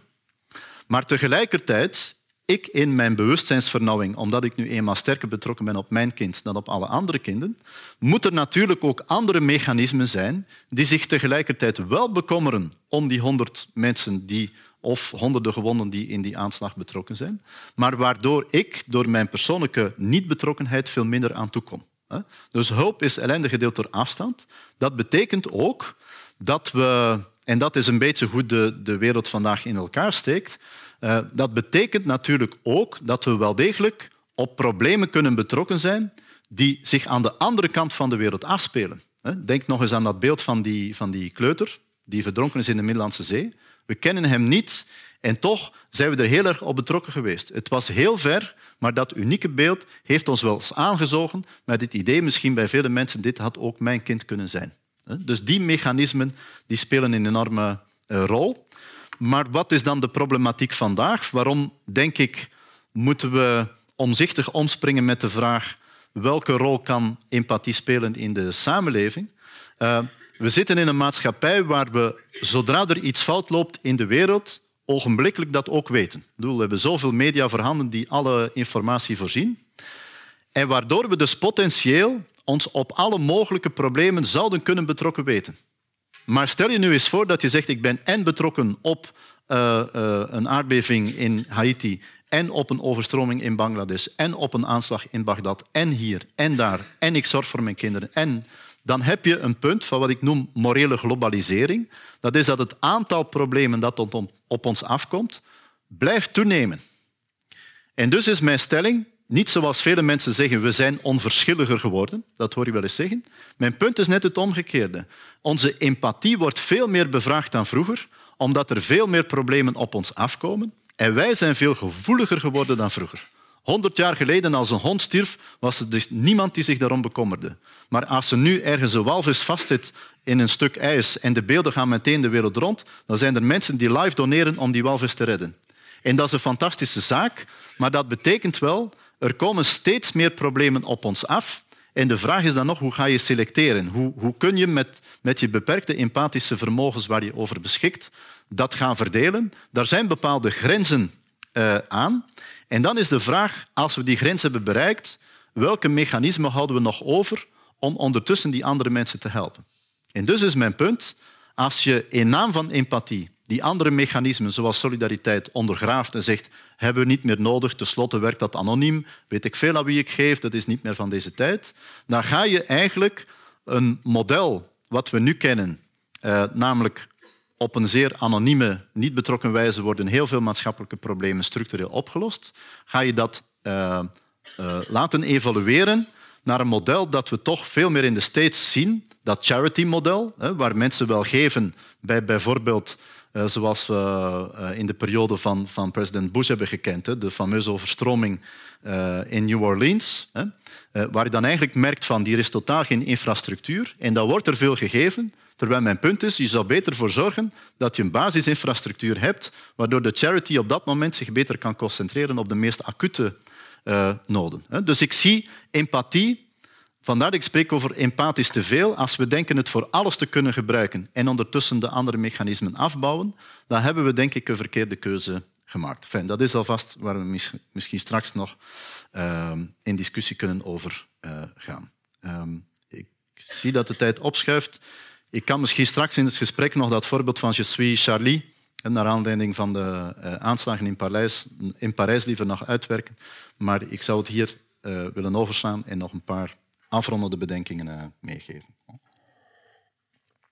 Dus wat ik al zei, Ik denk niet dat we vandaag, en het is natuurlijk heel moeilijk om daar algemene uitspraken over te doen, zijn we nu onverschilliger geworden of zijn we empathischer geworden, maar ik heb niet de indruk, ook als ik kijk naar het aantal mensen dat zich inzet voor allerlei uh, goede doelen of wat dan ook, die nemen niet af. Het is niet dat wij plots uh, onze rug keren naar alles wat zich aan problemen voordoet in de maatschappij. Waar ik wel schrik voor heb, is dat als we empathie zo gaan overbevragen, als we er voortdurend worden op geappelleerd, dat we op de duur in een soort van cynische positie terechtkomen van nu geef ik niets meer, want het helpt toch niet. Als je van je thuis naar de supermarkt 17 keer wordt aangesproken, kun je geven voor goed doel X, Y of Z, wat op een zaterdagochtend de facto wel eens het geval is in een aantal steden, dan heb je op de duur inderdaad iets van dit is te veel. Hoe, hoe moet ik hier mij nog in positioneren? En dus ga ik ervan uit, dan kun je maar beter een goede rolverdeling hoog houden tussen wat empathie doet, namelijk de betrokkenheid van mij op een aantal problemen of en op mijn naasten. Maar om te denken dat empathie alle wereldproblemen gaat oplossen, dan denk ik, is het een brug te ver. En dan ga je op de duur, als je mensen de hele tijd gaat over bevragen, uh, ja, toch het minste het risico lopen dat we in een soort van onverschilligheid terechtkomen en dat de reactie ook vaak heel fel uh, is. Misschien nog één voorbeeld daarbij, dat is een, een voorbeeld uit mijn land. Uh, vorig jaar, de, de voedselbanken, kennen jullie dat in Nederland? bij ons dus ook. En op een bepaald moment hadden een aantal mensen die dus van de voedselbank gebruik maken, iets geweigerd. Moet maar durven. Hè? Je bent dan arm en dan, hè, dan ga je nog iets weigeren ook. En dat werd inderdaad heel snel zo opgeklopt. En ik heb toen online fora bekeken, die, had je, ja, die wil je eigenlijk uh, liever niet zien. En dat stond bol van de reacties van, hebben ze nog geen honger genoeg misschien? Ik weet wel waar het vandaan komt, zijn weer deze, en zo verder. En toen, uh, dus empathie slaat dan om. Hè? In, in het totale tegenovergestelde, verontwaardigingen zelfs woede. Eerst was het van fijn, ik heb gegeven aan de voedselbank en ik ben een moreel hoogstaand mens, ik heb al geholpen. Maar dan verwacht je ergens een soort van dankbaarheid. Je moet wel blij zijn dat ik jou heb geholpen. En wat durft dat slachtoffer doen? uit die slachtofferpositie komen en te zeggen ik weiger. Schande komen over u. En een paar dagen later schreef er een, een, eh, een arme man in een krant een fantastisch stuk. Hij had dus een pak rijst geweigerd. En hij was een van de voorbeelden waar mensen hadden naar verwezen. Dat is een schande en is mogelijk, zal nooit nog iets geven. En toen schreef hij terug van, kijk, uh, geachte uh, donateur, uh, u moet weten dat ik al twee weken geen uh, gas meer heb in mijn huis. Ik kan dus geen water meer opwarmen. En als u van mij verwacht dat ik ongekookte rijst zal uh, opeten, forget it. Dit werkt niet en dit is de reden waarom ik het heb geweigerd. En de weken daarvoor heb ik trouwens elke dag rijst gegeten en zo verder. Maar die empathie, en dat is ook het probleem ervan, die pint degene die ontvangt in een soort van dankbare slachtofferpositie. En als de dankbaarheid dan niet komt, dan zijn we verontwaardigd over het feit dat ze niet dankbaar zijn om wat we voor hen hebben gedaan. En dan kun je de vraag stellen, heb je het nu voor hen gedaan of voor jezelf? Dat goede gevoel zit daarbij. En ik denk dat we dat uh, heel sterk moeten onderkennen, dat dat ook een rol speelt in het hele uh, gebeuren. Dus tot slot verduidelijking van die term onverschilligheid, want dat roept uh, ja, negativiteit vooral op. Als je het verwijt krijgt onverschillig te zijn, is dat geen compliment. Uh, maar wat bedoel ik met werkbare onverschilligheid? Wel, gegeven het feit dat ons empathisch vermogen een beperkte draagkracht heeft, denk ik dat het goed is, en ik heb in mijn boek twee voorname mechanismen uitgewerkt, enerzijds solidariteit en anderzijds rechtvaardigheid, dat dat soort van mechanismen in de maatschappij blijven bestaan om niet alles in dat model van liefdadigheid te gaan onderbrengen en ondertussen alle structurele problemen te gaan afwimpelen op onze eventuele bereidheid om anderen in ellende te helpen, dan denk ik, het is goed dat die mechanismen bestaan. Die zijn onpersoonlijk. Ik weet niet wie mijn geld krijgt. En diegene die het krijgt, moet mij niet komen vragen of die het wel heeft verdiend. Want dat zou het natuurlijk onwerkbaar maken. En als we dat afschaffen, ja, dan moeten we als het ware terug naar een leefentiteit van 50 of 100 mensen, waar ons empathisch vermogen niet tegen de grenzen zal aanbotsen, omdat het daartoe in staat is. Maar zodra we in complexere maatschappijen zoals de onze terechtkomen, dan is er veel en veel meer nodig om die miljoenen mensen die je niet persoonlijk kent, ook te laten geholpen worden, zelfs al ben ik er niet op betrokken, door mechanismen die inderdaad op een eerder, noem het onverschillige of onpersoonlijke wijze, het is, het is iets waar ik heel lang heb over nagedacht, wetende wat dat woord allemaal kan oproepen, van kan ik dat nu wel gebruiken, maar ik heb er uiteindelijk toch voor gekozen om die werkbare onverschilligheid naar voren te schuiven. Als er alleen maar empathie is, dan wordt empathie onwerkbaar. En als er geen andere mechanismen zijn om voor elkaar te zorgen, dan denk ik, uh, wordt het problematisch. Dus is de hele vraag. Het is een, een vraag die ik heb afgeleid uh, van een boek van Bas Heijnen. Moeten we van elkaar houden? Het cliché is van hoe beter we elkaar leren kennen, hoe beter het zou gaan. Dan denk ik, als dat zou kloppen, dan zijn er nooit nog burenruzies en nooit nog echtelijke problemen. Maar je kent elkaar door en door en ik heb niet de indruk dat dat uh, wel degelijk de realiteit is. Hè? Dus waarom hebben we in een maatschappij als de onze, en ik vond het belangrijk om onszelf daaraan te herinneren, waarom hebben we in een maatschappij als de onze die onpersoonlijke mechanismen ingevoerd? Net omdat de complexiteit van de maatschappij zo aan het toenemen was dat het, het empathisch vermogen, wat we vroeger ook hadden, maar niet zo geëxpliciteerd was, maar omdat dat empathisch vermogen op een aantal grenzen was gestoten, zodanig dat het niet meer in staat was om voor 15 miljoen naasten te zorgen. Je kunt voor een aantal naasten zorgen, maar niet voor een hele uh, maatschappij. En dan bovendien, dat is een beetje het uitgangspunt van, van mijn boek geweest, als we ook onderkennen wat de keerzijde is van empathie en wat de beperkingen zijn, uh, dan denk ik dat we eigenlijk een stapje verder zijn dan te doen alsof wij allemaal moreel hoogstaande mensen zijn die alleen maar tot goede keuzes uh, in staat zijn. En de, alle anderen, hè, de slechteriken, waar we ons kunnen over verontwaardigen. Ik denk dat de realiteit iets uh, complexer is dan dat. En ik ben mijn, mijn boek begonnen met een fantastisch kort verhaal van Frans Kafka, waar ik hier alleen de eerste zin heb van geprojecteerd. Er zijn weinig auteurs die, die op één zin zoiets kunnen uh, schrijven. Het is een heel kort verhaal, een tiental lijntjes, en dat is de eerste zin. Er was eens een gemeenschap van schurken, dat wil zeggen, het waren geen schurken, maar gewone mensen. En dan gaat het verhaal verder. Ik ga het niet helemaal verklappen. U moet ook nog een beetje prikkelen tot verdere lectuur na mijn uh, lezing. Maar daar zou ik willen mee afsluiten. Dank je wel.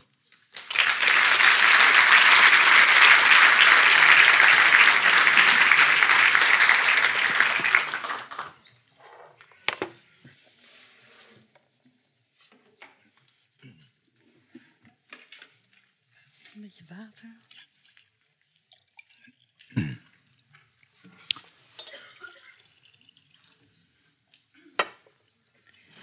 Ja, Ignaas, uh, heel hartelijk dank voor uh, en je mooie verhaal en, uh, en je mooie boek.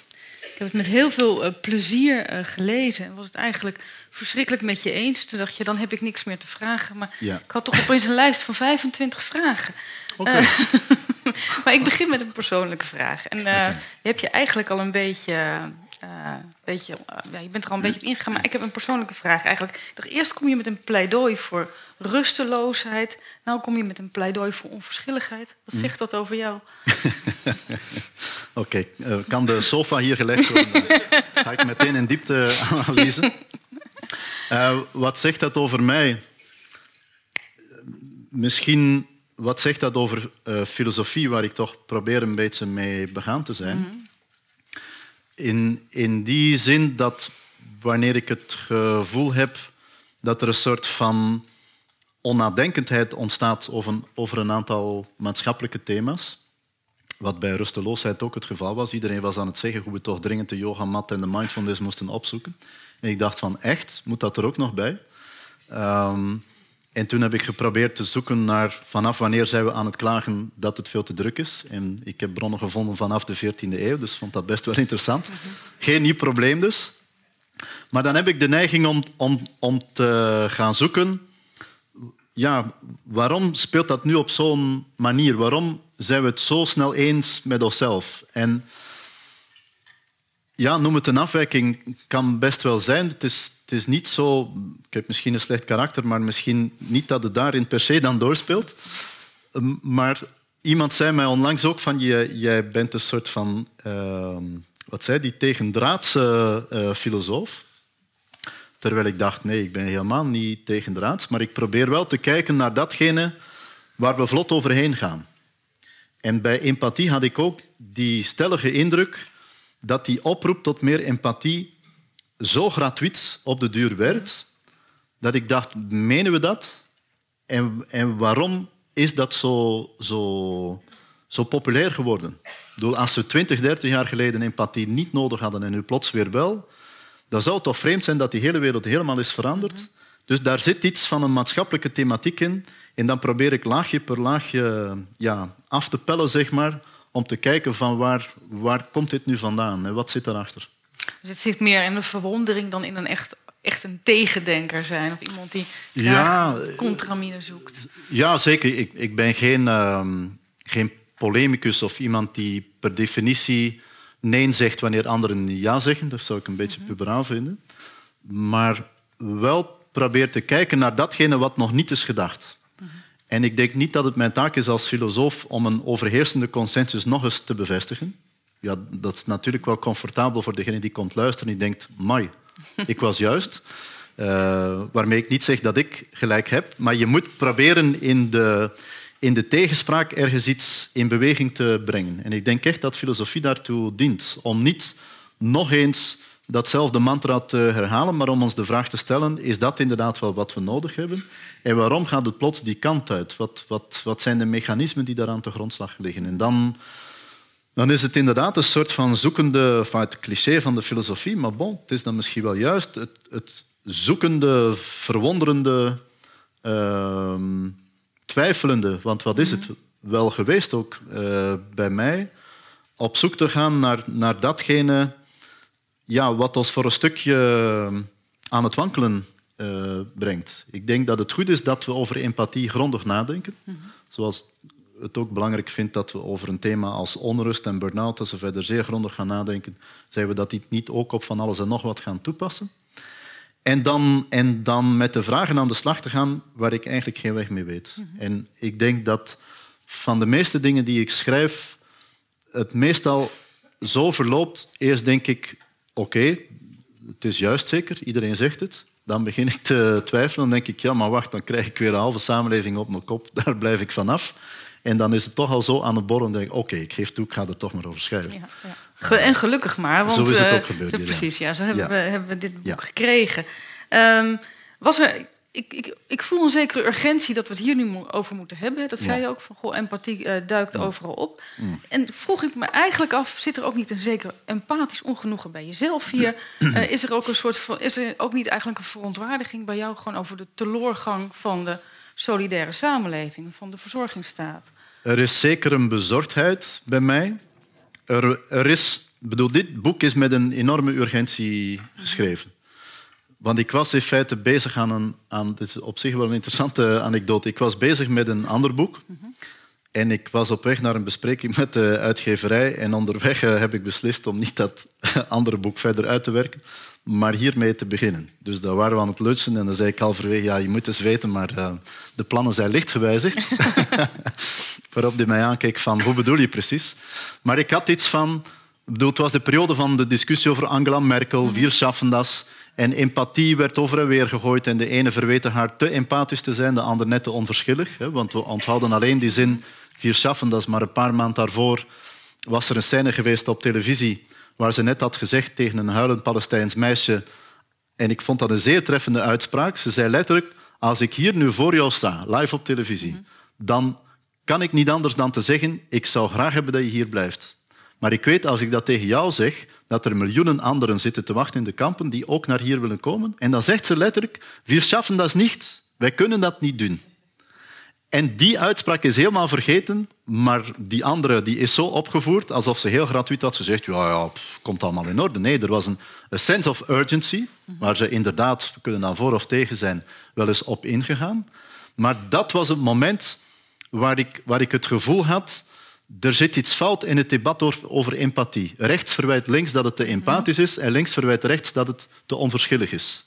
Terwijl rechts wel degelijk empathisch is, maar misschien meer gericht op mensen van het eigen land dan internationale. En, en alle clichés over een, over een linkse rakker zou dan zijn dat hij het liefst van alle vluchtelingen zou knuffelen, ook al is dat natuurlijk bullshit. Maar daar zat een bepaald spanningsveld in waarvan ik dacht, dit debat verloopt niet fair. Er, er zitten mechanismen aan de grondslag die links en rechts ook doorkruisen. Het is niet links dat empathisch is en rechts dat onverschillig zou zijn. Zo eenvoudig zit het niet in elkaar. En dan, dan, ja goed, dan is dit tot stand Precies, gekomen. dus het is echt Ja. een actuele situatie. Ik vroeg me wel af van, goh, is dat empathisch te veel in zekere zin niet een symptoom van de maatschappij waarin we, waarin we leven dan, eh, dan het probleem zelf? Is niet de empathie het probleem, maar eerder is dat niet een symptoom? Is er niet eigenlijk iets wat daaronder ligt, namelijk dat we, eh, het niet meer lukt om tot een rechtvaardige samenleving te komen? Eh, ja, zeker. In, in die zin heb ik ook doelbewust veel, veel aandacht besteed aan die twee woorden solidariteit en rechtvaardigheid. Want ik vond het zeer opvallend dat met name vanuit eh, de hoek van liberale partijen en kon worden gepleit voor de afschaffing van solidariteit en werd opgeroepen tot meer empathie. En daar zit toch een bepaalde merkwaardige agenda achter. Want dan zeg je eigenlijk, wij als staat, wij trekken ons terug en lossen jullie het maar op, wees maar meer empathisch. En dan is het natuurlijk fantastisch om te zien, ja, wees maar spontaan betrokken op elkaar, wetende dat je zo'n samenleving niet bijeenhoudt. En daar zit volgens mij ook de grond van, van het debat dat we moeten voeren. Willen we inderdaad nog verder gaan met solidariteit? En hoe, in welke gedaante dan? Of zeggen we inderdaad, ja goed, dat hebben we gehad, maar dan, dan probeer ik toch, ook al moet ik dat misschien met net iets meer nuance te doen, maar ik zie toch duidelijke verschillen dan tussen het Amerikaanse model en het Europese model. En ik ben wat dat betreft toch een grotere fan van het Europese model. Ook al staat het onder druk en ook al moeten we het heruitvinden in de 21ste eeuw. Ik denk toch dat het zijn deugdelijkheid nog steeds kan bewijzen. En dat daar in feite de kern van het debat moet over gaan. Ja. Ja, want je pleit ook heel duidelijk voor, voor solidaire eh, instituties. Toen dacht ik, ja, maar er is natuurlijk ontzettend wantrouwen op dit moment tegen instituties. En Ja. ja, eh, het is een mooi pleidooi, maar kan dat het, zou dat het wantrouwen kunnen wegnemen? Hoe zou dat kunnen? Ja, op basis van mijn boekje zal dat wantrouwen uiteraard niet kantelen. Ehm, ik, ik hoopte met dit boek minstens toch op een aantal eh, fronten een discussie los te weken. Inderdaad, niet alleen over de plaats van empathie, maar ook over die van solidariteit. Omdat ik ook de indruk had dat er op de duur een soort van stemmingmakerij was. Er verschijnen dan af en toe van die, van die half slachtig uitgevoerde onderzoekjes. Zo van uit de Nederlander of de Vlaming is niet meer solidair met de roker, met de dit en de dat. Maar dat zijn enquêtes die, die eh, ja, heel impulsief worden afgenomen. En daar reageer je op zonder na te denken. Bij, bij dan wordt er een casus voorgelegd. Ben je solidair met een roker of, of met een ziek kind? Ja, dan zegt iedereen natuurlijk dat zieke kind. Maar dat is geen fair dilemma. Eh, je moet je de, de vraag gaan stellen van... Als we vinden dat iedereen zelf verantwoordelijk is voor zijn of haar gezondheid... Ja, dan, en we, we trekken dat consequent door dan. Want dat is niet alleen de roker en degene met overgewicht en de drinker. Dat is ook de mountainbiker die in het weekend downhill 100 per uur rijdt en een zwaar ongeval heeft. Dat kost ons ook geld. Dus daar moeten we dan ook gaan controleren. Jij bent zelf verantwoordelijk voor wat je doet. En dan heb ik de, de indruk, we, we, we gaan daar zo snel overheen. Terwijl als je aan mensen echt vraagt... En ik heb in België voor de Koning Boudewijn Stichting zo'n project gehad. We hadden drie weekends, een groep van mensen, hebben we laten nadenken over solidariteit. En de eerste discussies die gingen diezelfde kant op. Ja, nee, met de rokers niet meer, met de drinkers. En op de duur bleef er dus ongeveer niemand meer over. En we hebben die groep laten verder discussiëren met telkens casussen. Eh, waar, waar geleidelijk aan meer nuance in kwam. En zonder dat er iemand interfereerde hoe mensen moesten nadenken, zijn die drie weekends geëindigd met een pleidooi voor solidariteit. Want ze hebben er verdomme twintig uur kunnen over nadenken. En solidariteit is een complex gegeven. Want spontaan zeg je natuurlijk ook, degene die zijn gezondheid heeft kapotgemaakt, die moet het maar weten. Maar wie gaat nu doelbewust zijn of haar gezondheid kapot maken? Ik bedoel, je bent verslaafd, beter niet, juist, maar er is ook een tabakindustrie en zo verder. Je, bent, je hebt overgewicht, ja, is dat jouw probleem? Er is een maatschappij die het veel makkelijker maakt om ongezond te leven dan gezond te leven. Is dat dan alleen mijn verantwoordelijkheid?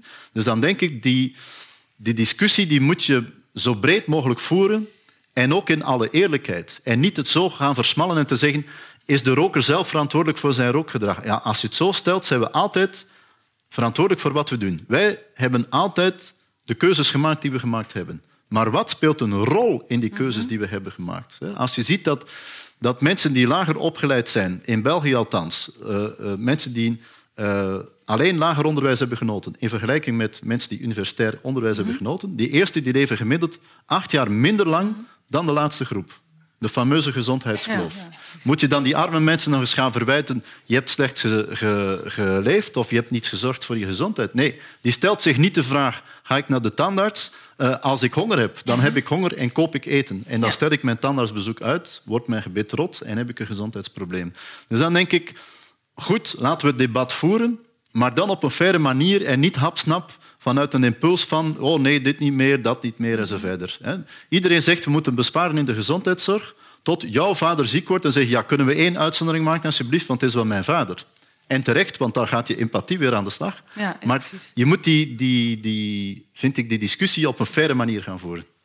Nou ja, het is natuurlijk een, zeg maar een ideologische beweging waar we in terechtgekomen zijn. Mhm. Ik kan me nog herinneren, zo oud ben ik dan inmiddels, dat de onlangs overleden eh, oud-premier Lubbers het actief had over, in Nederland over het desolidarisatiebeleid. We moesten desolidariseren. Dat, dat, is, eh, dat is ook ruimschoots gebeurd. En ik denk ook dat we dus nu Ja. denken in termen van eigen, ehm, eigen verantwoordelijkheid. Eh, wat ik me wel vroeg, afvroeg is eigenlijk van... Je ziet nu wel dat mensen proberen tot, tot alternatieven te komen. Hè? Bijvoorbeeld eh, de, dus de, de solidaire instituties vervallen. En dan stichten ze met een clubje vrienden Ja. bijvoorbeeld een broodfonds. Ja. Ik dacht, ja, maar dat zijn wel mensen die ze kennen. Dan zeggen ze, dan gaan we elkaar controleren. Is dat nou een voorbeeld, zeg maar, in, het, in de hoek van het empathisch te veel? Of is dat een nieuwe vorm van rechtvaardigheid? Ik zou zeggen een nieuwe vorm van rechtvaardigheid bij gebrek aan structurele rechtvaardigheid in de maatschappij. Eh, dus ik kan dat alleen maar toejuichen, maar tegelijkertijd zou ik zeggen we moeten toch ook wel zien waarom die initiatieven noodzakelijk zijn geworden, omdat er een lacune is en heel wat zorgproblemen zijn die niet meer door overheden worden opgepikt. En dan word je op jezelf aangewezen. Dan kun je twee dingen doen. All by yourself, vaststellen dat het niet meer lukt, of proberen de krachten te bundelen, wetende dat je dan niet de sociale zekerheid gaat vervangen. Maar ik zie in België ook veel van dat soort van fenomenen opduiken, omdat het collectieve aspect wordt eh, ja, ingesnoerd en veel meer naar private verzekeringen wordt overgeheveld. Ja, als je, als je 5000 euro per maand verdient, dan heb je geen last daarvan. Maar als je van een leefloon moet leven, ja, dan kom je in de problemen. En daar zit toch wel, denk ik, de, de vraag die wij onszelf moeten stellen. Hoe ver willen we daarin gaan? Hoe belangrijk vinden we solidariteit? Ik bedoel, ik zit geen zaken op te dringen. Ik kan alleen proberen het probleem voor onze ogen te houden. En dat is een, een vraag die de maatschappij zich best wel mag stellen. En nu heb ik de indruk, het is een soort van geleidelijke evolutie, stapje per stapje. En zonder dat we eigenlijk ons goed en wel te grond hebben afgevraagd, was dit wel de weg die we wilden opgaan? Hè, Want het klinkt altijd populair om te zeggen, ja, eh, eh, meer besparen, eh, efficiënter. Ja, natuurlijk. Ik bedoel, wie wil nu inefficiënt geld verspillen? Dat is zo'n onnozel, ja, ik bedoel, zo'n onnozel politiek statement. Laten we het efficiënter maken. Ja, waarom heb je het niet efficiënter gemaakt vroeger? Ik bedoel, elk jaar, elk jaar hoor ik, we gaan de belastingen efficiënter innen. Dat is nu al twintig jaar dat ik politiek volg en elk jaar wordt het nog efficiënter. Dat is zoals das, witter dan wit. Elke keer nog witter. Denk maar, hoe, zwart was het dan vroeger als het nu... Ja, Enfin. dus dat, dat, is een, eh, ja, dat is natuurlijk ook een, eh, een, eh, ja, een manier van, van, van dingen steeds maar weer op dezelfde manier herhalen. Waardoor we ook, Mm. ja, net zoals elke anti-bureaucratische maatregel tot nog meer bureaucratie leidt. Ja, het brengt ons Ja. alleen maar ehm, verder van huis. Ik had, ik had eigenlijk nog wel een vraag die me de hele tijd een beetje bezig hield al vanaf het begin van jouw boek. Ik vond het fijn dat je liefdadigheid tegenover ehm, solidariteit zet. Ik dacht, Mhm. nou, heel, eh, en ik ben altijd ook, als ik, als ik aan dat onderscheid denk, eh, denk ik ook toch heel vaak in termen van macht. Hè, de, de liefdadigheid, ook in historische zin, Ja. denkend aan de, de graritas van, eh, van de kerk eh, tegenover de solidariteit, de arbeidersbeweging, waarin het gaat aan de ene kant om fundamentele ongelijkheid, aan de andere kant om fundamentele gelijkheid. En dat kunnen we beter doen. En eigenlijk het hele machtsaspect van die liefdadigheid, je noemt het zo tussen de regels, zie ik het wel eens terugkomen, maar je hebt dat niet echt uitgewerkt. Is dat een bewuste keuze? Nee, in de zin van dat, dat de rol die macht speelt binnen liefdadigheid. Ja. Ehm, En ook, en ook in, in een zekere zin in de teleurgang van. eh, ehm, hè, dus de, niet meer de machtsverdeling en de teleurgang van de solidariteit. ja. Het is toch een. Ja, ik heb het geprobeerd wat aandacht te geven in die bespreking van wat ik ook als voorbeeld heb gegeven. Als je geeft, dan verwacht je dankbaarheid van het slachtoffer. Dus daar zit je met een enorme machtspositie natuurlijk. Hè. Als ik in de problemen raak, dan moet ik dus blijkbaar op mijn, mijn blote knieën eh, jou bedanken voor datgene wat je voor mij over hebt. En dat is een fundamenteel asymmetrische eh, verhouding waar ik een enorme probleem mee heb. Ehm, ik zal misschien een voorbeeld uh, geven uit, uit mijn kindertijd in... in uh, enfin, ik, nee, ik kan niet alles vertellen. In een kleuterklas uh, stond een, een, beeldje van de, van de missionarissen. Mm -hmm. En het was een Afrikaan. En als je een muntstukje in dat beeldje stopte, dan knikte ja, ja. dat mannetje. En dat is dus de samenvatting van, van 100 jaar kolonisatie. Dus we hebben het niet alleen leeggeroofd, we geven dan een peulschild terug van wat we mhm. daar hebben uitgehaald. En dan moeten ze nog dankbaar zijn ook. En zo werd er dan ons verteld, kijk eens, het negerkindje zal dankbaar zijn, stop er maar een mhm. centje in. Ja, precies. En dat geeft natuurlijk ook ons het het goede en dan gevoel. Die machtsverhouding, ik, ik, kan het niet beter illustreren dan daarmee. Ja, ja precies. Uh, maar je hebt gelijk, ik had daar misschien wat meer aandacht kunnen aan besteden. Dat nou ja, je citeert op een gegeven moment ook uh, uh, Zizek, als het gaat hier over de liefdadigheid. Ja. ja. Ik, ik, lees hem even voor, want ik vond dat wel, wel mooi. Uh, je zegt, uh, volgens Zizek geven we alleen aan goede doelen om onszelf een juist gevoel te bezorgen, maar zullen we nooit iets doen om de gevestigde kapitalistische orde, die verantwoordelijk is voor de ellende, omver te werpen. Mm. En toen dacht ik, ja, slaat Zizek hier nu eigenlijk niet gewoon de spijker op zijn kop? Is mm. liefdadigheid nou niet een prima manier om die onderliggende politieke vraag uit de weg te gaan? Mm. Terwijl jij hem toch een beetje wegzet als cynisch. Ja, ik, ik vind het in die zin cynisch dat je dat je individuele mensen niet kan verwijten dat ze goede doelen steunen. uh, uiteraard heeft Zizek een, een, belangrijk punt, namelijk we sussen onszelf daar ook voor een stuk mee. We hebben tenminste ons best gedaan en nu doen we weer verder. Maar ik vond het cynisch omdat je daarmee elk individu dat zichzelf inspant om toch voor een stukje een bijdrage te leveren, wat mij betreft ook niet moet afsnauwen omdat hij het heeft gedaan. Uh, ik zou zeggen, probeer en die systeemanalyse uh, verder te zetten dat het inderdaad tot fundamentele mhm. onrechtvaardigheden leidt. Maar tegelijkertijd heb ik op zich niets tegen een goed doel. Tenzij het alleen maar dient om, om de structurele oplossingen uit de weg te gaan. En dus in die zin hang ik een stukje aan. Ik heb ook niet toevallig natuurlijk dat citaat gekozen. Uh, maar ik had ook iets van, je moet dan niet weer alle last op de schouders van het individu gaan leggen dat die het verkeerd doet. Je moet eerder proberen op een structurele wijze, als je dan toch uh, naar een systeem kijkt, kijken ook waar de structurele oorzaken zitten en daar proberen tegenin te gaan.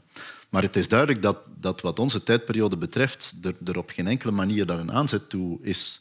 Maar dat hoeft niet te impliceren dat we het niet ja, aan de orde moeten brengen, uiteraard. Bedoel, Er is een gigantische uh, ongelijkheid wereldwijd die ook niet afneemt, zoals je in veel landen ook bepaalde ongelijkheden ziet toenemen. En dan kun je zeggen, goed, dat is dan een ideologische keuze om daarin mee te gaan of niet. Maar tegelijkertijd is die, hoe, zijn die landen waar de sociale ongelijkheid veel groter is, ook landen waar vele andere problemen zich voordoen. Het is niet voor niets dat daar zoveel belang wordt aan gehecht. En een goede gezondheid en een beperkte sociale ongelijkheid. Omdat dat de motor is tot emancipatie in de maatschappij. En in die zin draag ik dat een warm hart toe. Uh, wetende dat je natuurlijk... Bedoel, je, je hoeft niet alles gelijk te stellen, maar je moet mensen wel kansen kunnen geven waardoor ze ergens vooruit kunnen raken. En nu zijn een aantal landen, en dat is toch voor het eerst sinds heel lang, waar de komende generatie eigenlijk nu al weet dat ze het slechter zullen stellen dan hun ouders. En dan denk ik, dan schort er iets aan het model. Want dat hele model van uh, sociale mobiliteit uh, leidt tot, tot vooruitgang, waardoor we allemaal middenklasse zijn geworden. Als de armoede toeneemt en de middenklasse weer verkleint, dan denk ik hebben we echt wel een maatschappelijk probleem. Oké, ik ga het hierbij afronden. Ik denk dat het ook een heel mooi punt is, omdat je hier denk ik ook precies laat zien uh, waar, waar het wringt, waar onze empathie en solidariteit wringt. Um, in de afloop, u kunt, ik, ik denk dat het een heel leuk boek is om verder te lezen. Dat kan ik, weet ik eigenlijk wel zeker. U kunt uh, na afloop het uh, kopen en Ignaas is bereid om te signeren. ik dank jou heel hartelijk voor je aanwezigheid hier en voor je mooie verhaal. En ik dank u allemaal heel hartelijk voor de aandacht. Dank u wel.